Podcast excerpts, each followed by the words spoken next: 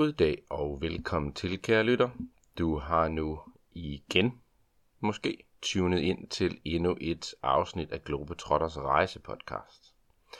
Vi skal ud og rejse sammen i dag. Vi skal til en ny verdensdel. Vi skal til et nyt land. Vi skal nemlig til Chile. Og øh, det er første gang, jeg bevæger mig i den her del af verden, og også en af de længste rejser, i hvert fald længst væk, jeg har været på.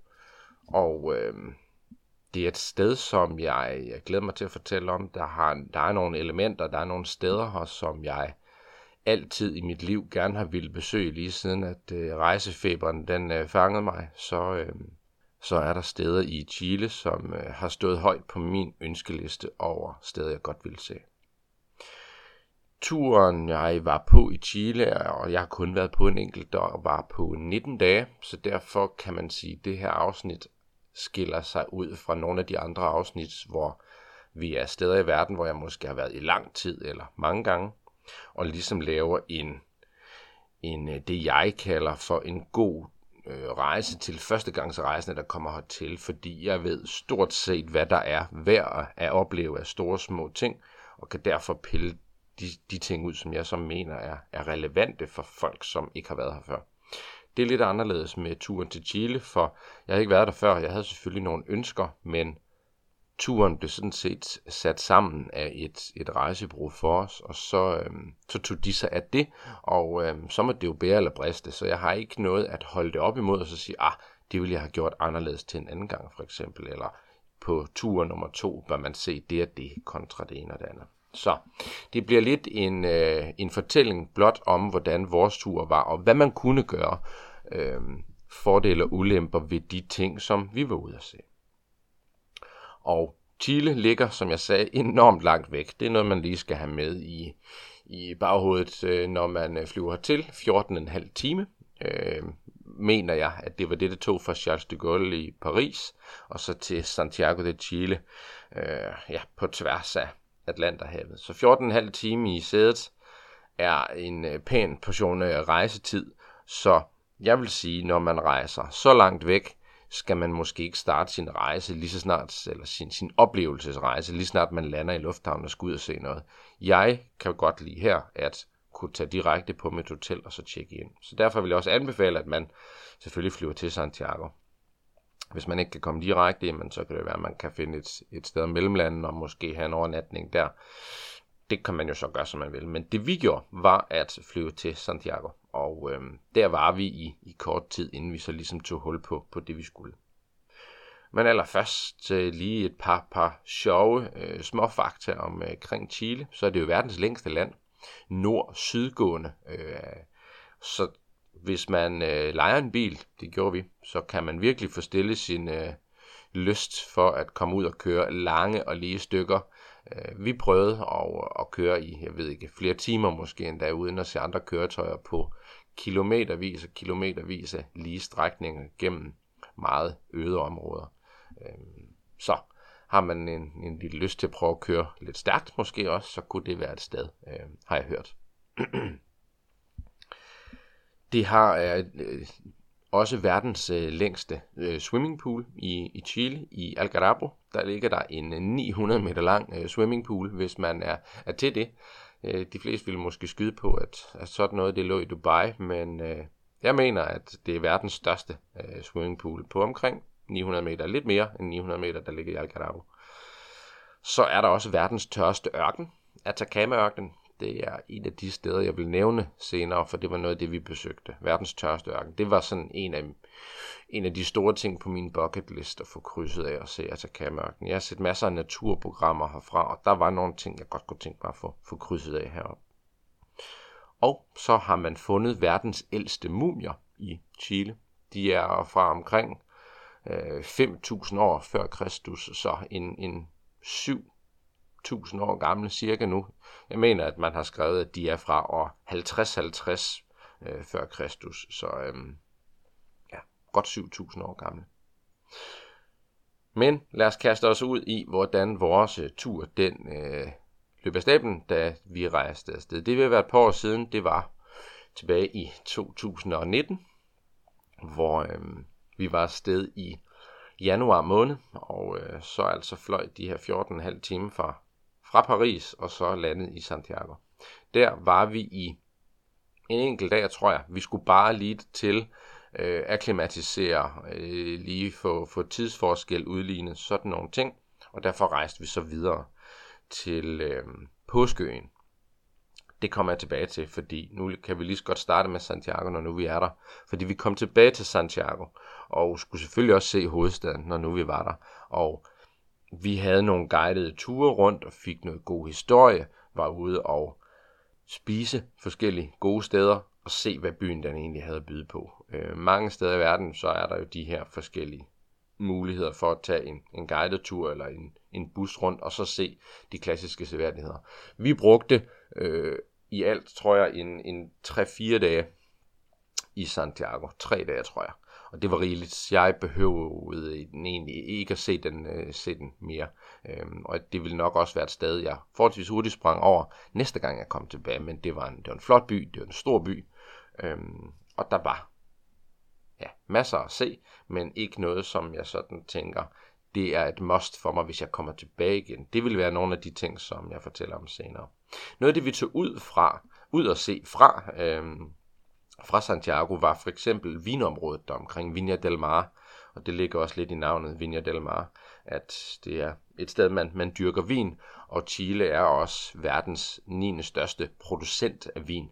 Så det er ikke for sjov, at, øh, at mange også kender chilensk vin rundt om fra supermarkedet eller fra vinhandler. Chile er enormt anerkendt for deres vin, og øh, vi tog på et par øh, dagsture fra Santiago ud i Vinja del Mar og besøgte forskellige vingårde, eller vinslotte vil jeg snart kalde dem, fordi der er nogle af dem, der er enorme. Og hvis ikke man har været på sådan et vingårdsbesøg før, så ja, kommer man i den her del af verden, så synes jeg, at endelig man skal gøre det. Men også selvom man har besøgt dem masser af de, de steder, der er i Europa, så er det en fed oplevelse. Det er typisk, man, man betaler jo oftest for at få lov at få en, en guidetur rundt, måske både ud i markerne, men også ned i kældrene, og de har typisk sådan nogle udstillinger der, hvor de viser noget frem, og, og nogle dertil indrettede store sale, hvor man kan komme ind og så selvfølgelig prøve at smage vinen. Og jeg har både gjort det som helt nybegynder, jeg har endda været guide på flere ture gennem forskellige typer af vinhuse, og jeg kan godt lide at komme der. Men man behøver altså ikke at være en eller anden hverken vinsnop eller vinkender eller specielt entusiastisk omkring en vin. Det er jeg faktisk ikke engang selv. Men jeg synes, det er sjovt at komme ind og prøve det og lære et eller andet. Og ja, så kan man stille to rødvine foran mig. Jeg kan ikke kende forskel alligevel, men jeg bilder mig ind, at jeg kan lære noget ved at høre på de her mennesker, som går enormt meget op i det. Det synes jeg alligevel er spændende at opleve. Folk, der er enormt passionerede om et eller andet. Og hvad det så end måtte være, om det er at fortælle om rejser, eller om det er at fortælle om vin, det synes jeg lige meget for mig. Jeg, jeg synes, det er interessant. Så kom ud og prøv det. Øhm, der er nogle fantastiske besøg at gøre sig i Vina del Mar. Vi kørte også til byen øh, Valparaiso, der ligger ikke så langt fra Santiago, et øh, fedt område. Jeg mener, vi sluttede hernede faktisk og havde efter en, øh, en øh, måske et par uger, hvor vi havde både fløjet over og rejst rundt, så lige sluttede med nogle, nogle dage i øh, Valparaiso, inden vi skulle til at flyve hjem igen, ligesom for lige at slappe lidt af. En meget hyggeligere by, synes jeg, ligger ned til vandet, end, end, end Santiago var. Og så er den centrale del af Valparaiso også øh, en del af UNESCO's verdensarvsliste, så det er beskyttet herinde, og det er virkelig, virkelig fedt, så meget anderledes. Øhm, det ligger både på, øh, på en klippeside, de gør en, en stor del af byen, ned mod vandet, i hvert fald meget kuperet terræn, og masser af de her små snørklede gader, og så er der givet frit spil til folk, som har fået lov at male noget graffiti her. Og det er ikke grim graffiti. Øh, vil jeg ikke mene. Det er virkelig, virkelig dygtige kunstnere, der har fået lov at male forskellige portrætter øh, eller billeder, som har et eller andet at fortælle omkring Chile eller omkring øh, området her. Og det er jo altså så beskyttet nu, så det står enormt flot, så det er virkelig, virkelig kunst, som er på husfacader, øh, murene, øh, vejene, brostenene, man går rundt på. Øh, store øh, områder her i, i den centrale del af Valparaiso. Enormt hyggeligt. Og det er jo sådan, at jeg har for eksempel lavet afsnittet øh, omkring Lissabon, hvor jeg gik noget mere i detaljen med, hvad kunne man opleve i en storby, som, som for eksempel den, og nærmest dissekerede den og fortalte, hvad er der i det område, og hvad er der i det næste område. Nogle gange, så synes jeg også bare, at man skal tage ud og, og, og opleve byen, øh, og gå en tur. Øh, og det, og det var noget af det, vi gjorde. Bare lige to et par dage, hvor vi også slappede af. Ikke havde så mange planer om lange udflugter, eller skulle ud og se noget bestemt. Bare gik en tur igennem byen, slendrede, gik ind og købte lidt souvenirs, fik en is, gik ned til vandet, sad på havnen, eller tog ud og dykkede for eksempel, som var en, en ting, jeg også gerne ville prøve nu. Jeg var på den her, ja, i den her del af verden, og jeg har aldrig dykket i, i Stillehavet før da, så jeg tænkte, jamen det kunne da være, at det var muligt at dykke. Så vi tog en tur ned på havnen og fandt også et dykkecenter og var med ud. Og jeg vidste godt, det ville være koldt. Det var trods alt Stillehavet. Det er jo ikke, øh, det er jo ikke Middelhavet. Og øh, kom med ud med en, øh, en lokal instruktør og så en eller anden lokal chilener, som øh, skulle med ud og dykke. Og jeg, jeg er en erfaren dykker, vil jeg da sige. Jeg, jeg, har, jeg har dykket noget, og øh, vidste godt, det var koldt. Og vi kommer også ned i det her 9 grader varme vand og, og dykker ned, og selv med den tykkeste våddragt og og huer og vandrer på. Så efter omkring 20 minutter, så begynder den lokale chilener altså at fryse. Og jeg har betalt 500 kroner for at komme ned og dykke den her ene gang. Øhm, så må vi altså op efter 20 minutter. Der var ikke noget refundering. Det var lidt en, en ærgerlig ting, selvom at der, et, der var et fedt dyreliv, at vi så søløver og sådan noget, da vi dykkede, men ja, det var lidt, øh, det var lidt tamt at sejle hjem, fordi den her lokale mand, han sad og klaprede tænder der og sagde, Nå, jamen, tak for i dag, vi ses. Men det kan man gøre, og det var, øh, det var en udmærket oplevelse, og om ikke andet, så fik jeg sat endnu et kryds øh, på, på bucketlisten i hvert fald.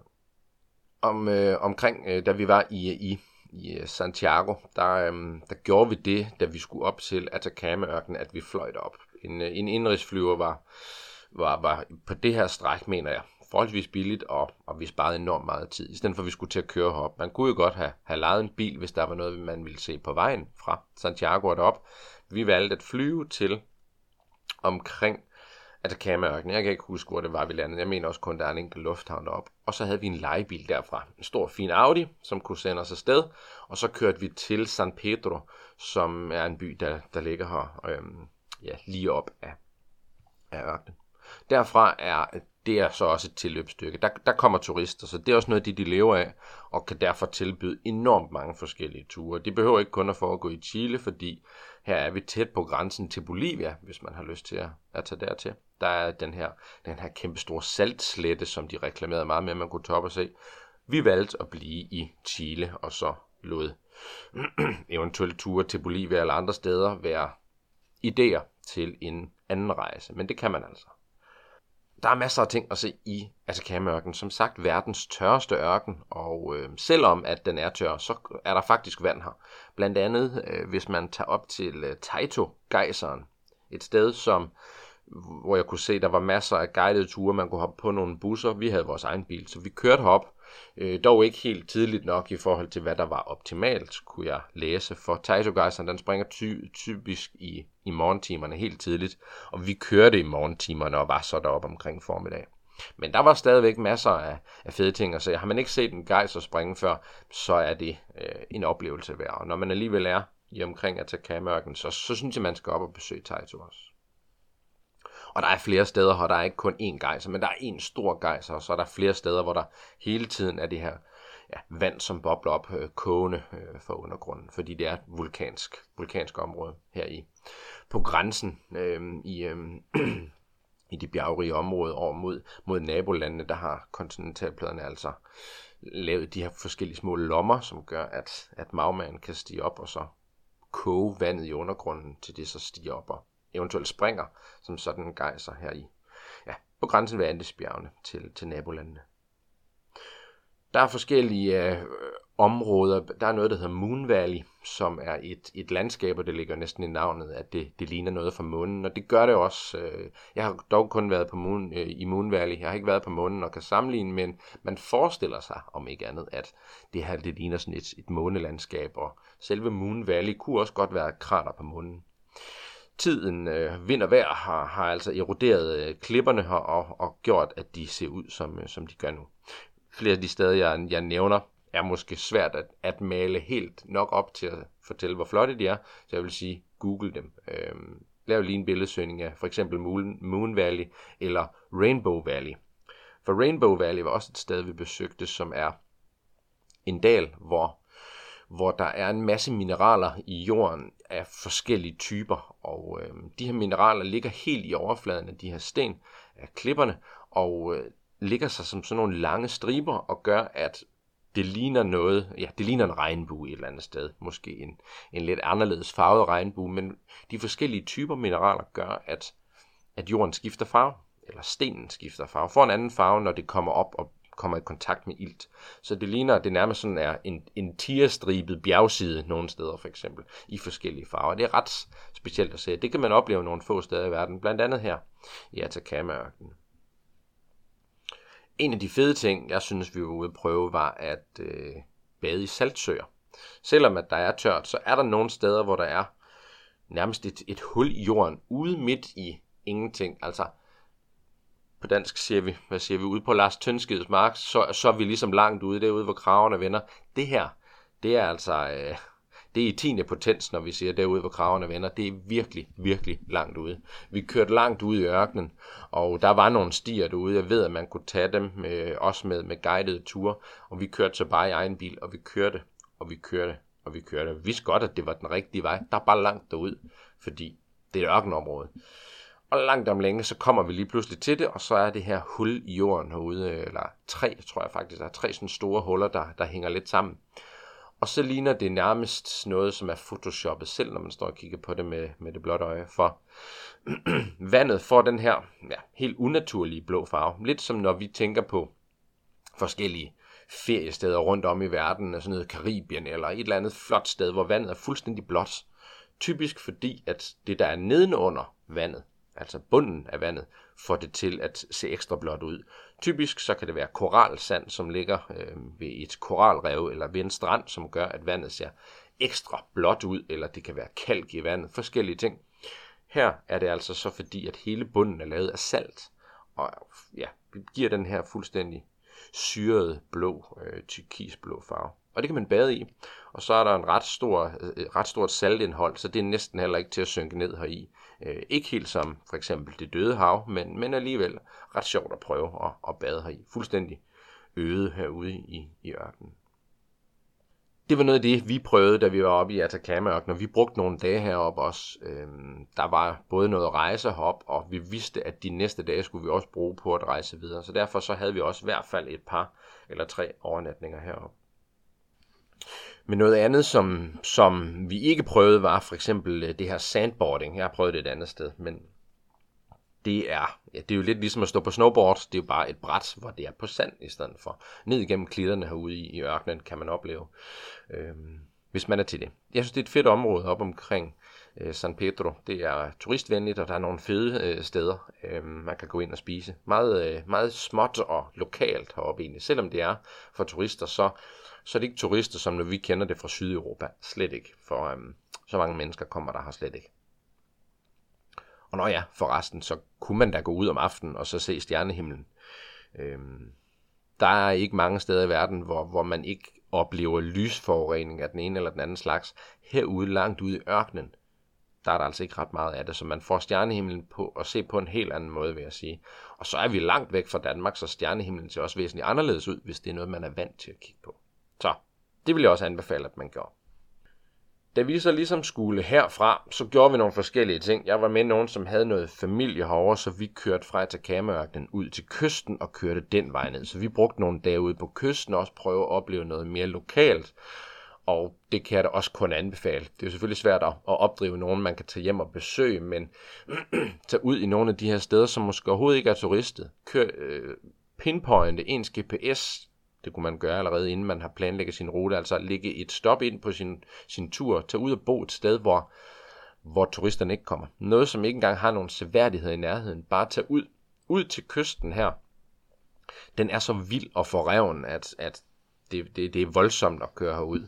Øhm, det blæser typisk også øh, herude. Øh, gør bølgerne er voldsomme, og når man kører ned igennem bjergene her, for at komme helt ned til vandet, så det, det er en ret ret speciel oplevelse fra det her meget flade område, man har kørt i mere, mere indlands, og så komme ud til havet. Øhm, så lægge nogle, nogle steder ind, det gjorde vi, øhm, ud langs vestkysten, indtil vi kørte ned sydpå igen og kom ned tilbage omkring Santiago. Og så springer jeg til det, vi så faktisk næsten startede med, som er mit højdepunkt på vores tur. Og det var at tage ud og se påskeøen. Påskeøen har jeg været fascineret af, siden jeg var helt lille, og måske ikke så meget selve øen, men, men de her store stenhoveder. Jeg har i mange år ikke sådan rigtig givet at sætte mig ind i, hvad det egentlig var for noget. Jeg har altid bare været fa- fascineret af, hvordan det var, de så ud, og hvordan de var blevet til, og sådan nogle ting. Så da øhm, ideen kom til, at vi måske skulle til Chile, at man så sagde, jeg skal ikke til Chile uden også at besøge påskeøen. Det er simpelthen for tosset, hvis jeg ikke besøger det, allerhelst vil se i det land. Men det er jo også, det, det er lidt specielt at så sige, at man besøger lige en anden del af landet, mens man er der, fordi det tager altså fire og en halv time fra Santiago at flyve direkte ud i Stillehavet for at komme til påskeøen. Den ligger fuldstændig langt væk fra alt muligt. Den ligger ude i det, man kalder for den polynesiske trekant, altså ude i Polynesien. Og den polynesiske trekant består af, hvis man forestiller sig en trekant foran sig, den, det hjørne nede i højre øh, hjørne, den del dernede, det er så Påskeøen. Det venstre hjørne vil så være New Zealand, og så toppen vil være Hawaii. Inden for den her sådan, trekant af det, man kalder for Polynesien. Den polynesiske trekant. Og der er langt derud, altså 4,5 times indrigsflyvning fra Santiago og ud midt i Stillehavet. Og for at sammenligne, så mener jeg faktisk, at en indrigsbillet herud kostede 12.000 kroner per person. Så der er heller ikke mange af de lokale, eller mange chilenere, som faktisk har oplevet den her del af, af deres eget land, som godt nok ligger ret langt væk, men det er dyrt at komme herud. Og så mener jeg også, at man faktisk maksimalt måtte være her i fire dage. Det var ligesom øh, grænsen, man havde sat for ikke at blive overrendt af turister og blive ja, måske for turistpræget, eller for at, at ødelægge øen, for at der ikke kommer for mange herud. Så der er selvfølgelig måske også noget med prisen, at den er skruet, skruet i vejret, for at, at holde det mere eksklusivt, og for, for simpelthen ikke at ødelægge øen, at den ikke drukner i turister. Det, er, det, det slider enormt meget. Så ved jeg godt, at de fleste turister, de, de passer på, men man skal ikke underkende det slid, som øh, hundredvis af mennesker, de kan påføre naturen ved at gå igennem den hver eneste dag. Så det skal man tænke over, men jeg vil så sige, hvis man så endelig skal herud, så gør det dog ordentligt. Tag alle fire dage. Jeg tror, der var nogen, der var herude i, i to dage og tre dage. Vi var derude i alle fire dage. Det ville vi. Jeg skulle se så meget som muligt, selvfølgelig. Og øh, ud af de fire dage, så havde vi to dage med heldagsudflugter, en dag med en halvdagstur, og så en fridag. Fordi øh, det var de tre store ture, der var. De to heldagsture, og så halvdagsturen. Og så var øen så den ligesom delt op i to halvdele, som man tog det ene på den ene store, og det andet på den anden store. Og så var der en halvdagstur med nogle små ting, som man ikke måske lige havde fået med. Og jeg havde set en dokumentar inden, det sørgede jeg lige for, for at bare vide lidt mere om de her stenhoveder, moais, som, som de kalder dem. Og man har måske set dem Google Easter Island eller Påskeøen eller Moai og så de her stenhoveder, så ved man, hvad jeg snakker om. Jeg mener endda også, at de findes som en emoji på ens telefon, så kendte er de. Øh, og der er, der er mange myter, og der er mange historier om, hvordan de her stenhoveder blev til. Og jeg var enormt glad for endelig at få opklaret, hvordan det var, det hang sammen. Og det synes jeg, man skylder sig selv på et eller andet tidspunkt i sit liv at opleve påskeøen. Det er for mig det største i Chile, men det er også på en top 3 over, hvis ikke det, det ender med at være den største oplevelse, jeg har haft i mit rejseliv. Det er svært at sammenligne. Det er svært at sammenligne kultur med natur og historie eller dyreliv nogle gange, synes jeg. Men den her er helt klart en af mine favoritter. Og så de her moais. Det, man har set på billeder, jamen det står jo på nøjagtig samme måde. Nogle gange skulle jeg knibe mig selv i armen, eller bare gå, mens guiden fortalte, og så forsøgte jeg bare at suge så meget ind som jeg overhovedet kunne. Det er en af de få gange i mit liv, og jeg har oplevet en del, synes jeg, men en af de få gange, hvor jeg skulle nive mig selv i armen og sige, at, at det her er rigtigt. Det her, det er så fedt, at jeg bliver nødt til at holde min mund lige nu, og bare være til stede, fordi jeg er her kun i fire dage, og opleve så meget som muligt. Tage en masse billeder, så jeg kan reflektere over det og genopleve det i mit eget hoved, når jeg kommer hjem. Øhm, det virker for mig sindssygt godt, det med at få taget nogle billeder. Ikke at jeg skal leve min øh, ferie igennem et kamera, slet ikke. Men det med at få nogle billeder øh, af nogle bestemte ting, så jeg kan komme hjem og genopleve det hele igen, det gør, at minderne de hænger langt bedre fast i mit hoved. Så tag med ud og gør det nu ikke på egen hånd. Øhm, tage med nogen ud, der kan fortælle jer om det, og fortælle hele den her tilblivelse af, af stenhoderne, man har hugget ud fra klippen, og hvordan man har fået dem til at gå. Der er sådan nogle gamle myter om, som fortæller, at stenhoderne selv er gået på plads, der hvor de nu står rundt om på øen. Og det har man jo tit tænkt, at nå ja, det er jo sådan lidt, lidt for sjov, at man har givet dem, givet dem en sjæl og et væsen og mulighed for faktisk at gå. Øh, men det er fordi, man faktisk med, med sådan et specielt snoretræk har fået dem til at, at vugge hele vejen hen over øen og derud, hvor de så skulle stå. Og nogle gange, mm, så har man altså mistet grebet om dem, og øh, så er de altså væltet. Og derfor så ligger de nogle steder øh, midt på øen. Og så er det ikke altid, man har kunne rejse dem op, fordi de er så kæmpe, kæmpe store. Så stenhovederne, både hvor de ligger ned på jorden og kigger op, eller hvor de står som de her statuer, afbildningerne af, guderne, eller de tidligere, eller de gamle royale personer, der har været på, på øen, var en kæmpe oplevelse. Og så var der, der var øh, to vulkaner på øen også. Den ene var i særdeleshed flot. En, øh, en øh, Rakanao, tror jeg det var det, den hed. Øh, som når man står op på, på kraterkanten og kigger ned i den, den, det er en, den er... Øh, den, den sover vulkanen, så det er ikke farligt at komme derop. Men når man står og kigger ned, så er der vand nede i krateret, og en masse grønne plamager dernede af tang og planter og sådan noget. Så det ligner nærmest en, det ligner en jordklode, hvis man forestiller sig, at man står på månen og kigger ned på jorden, fordi der både er blåt og grønt dernede imellem. Det var ret, ret syret at stå og, og se.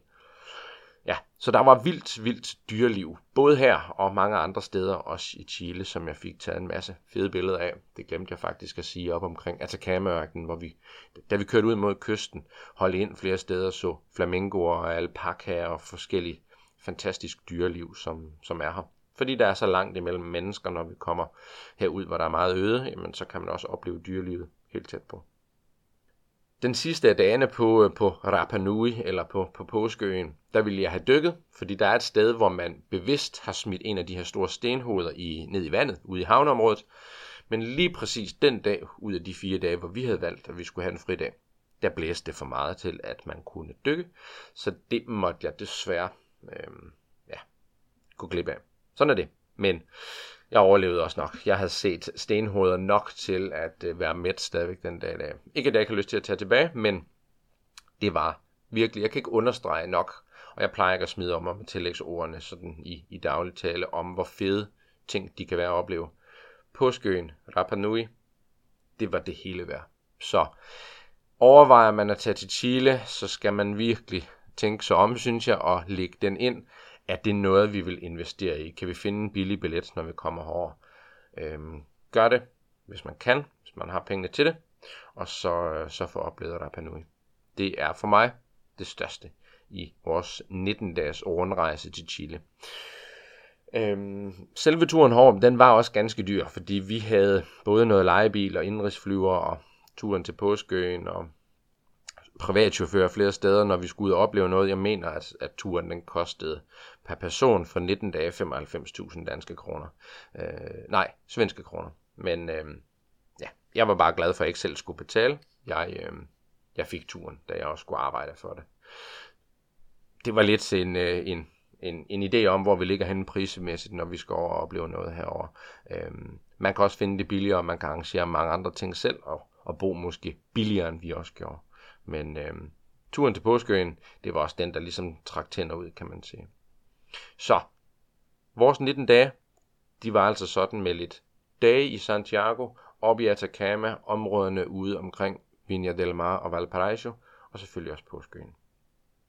Jeg vil elske at lave ture tilbage hertil, men øh, det er ikke det, der er på tegnebrættet lige nu. Det kan være, det kommer en dag. Det var i hvert fald afsnittet om Chile. Jeg håber, at det har vagt noget interesse og hvis ikke det har, så synes jeg, om ikke andet lige skulle ind og Google billedsøge nogle af de steder, jeg har nævnt, så er jeg næsten sikker på, at det vil vække noget interesse, fordi Chile, den sydlige del af Sydamerika, er et fantastisk sted at tage ud og opleve. Så god fornøjelse, hvis I vælger at tage til Chile en dag. Det var alt for mig for den her gang. Vi lyttes ved i et nyt afsnit af Globetrotter Rejse Podcast. På genhør.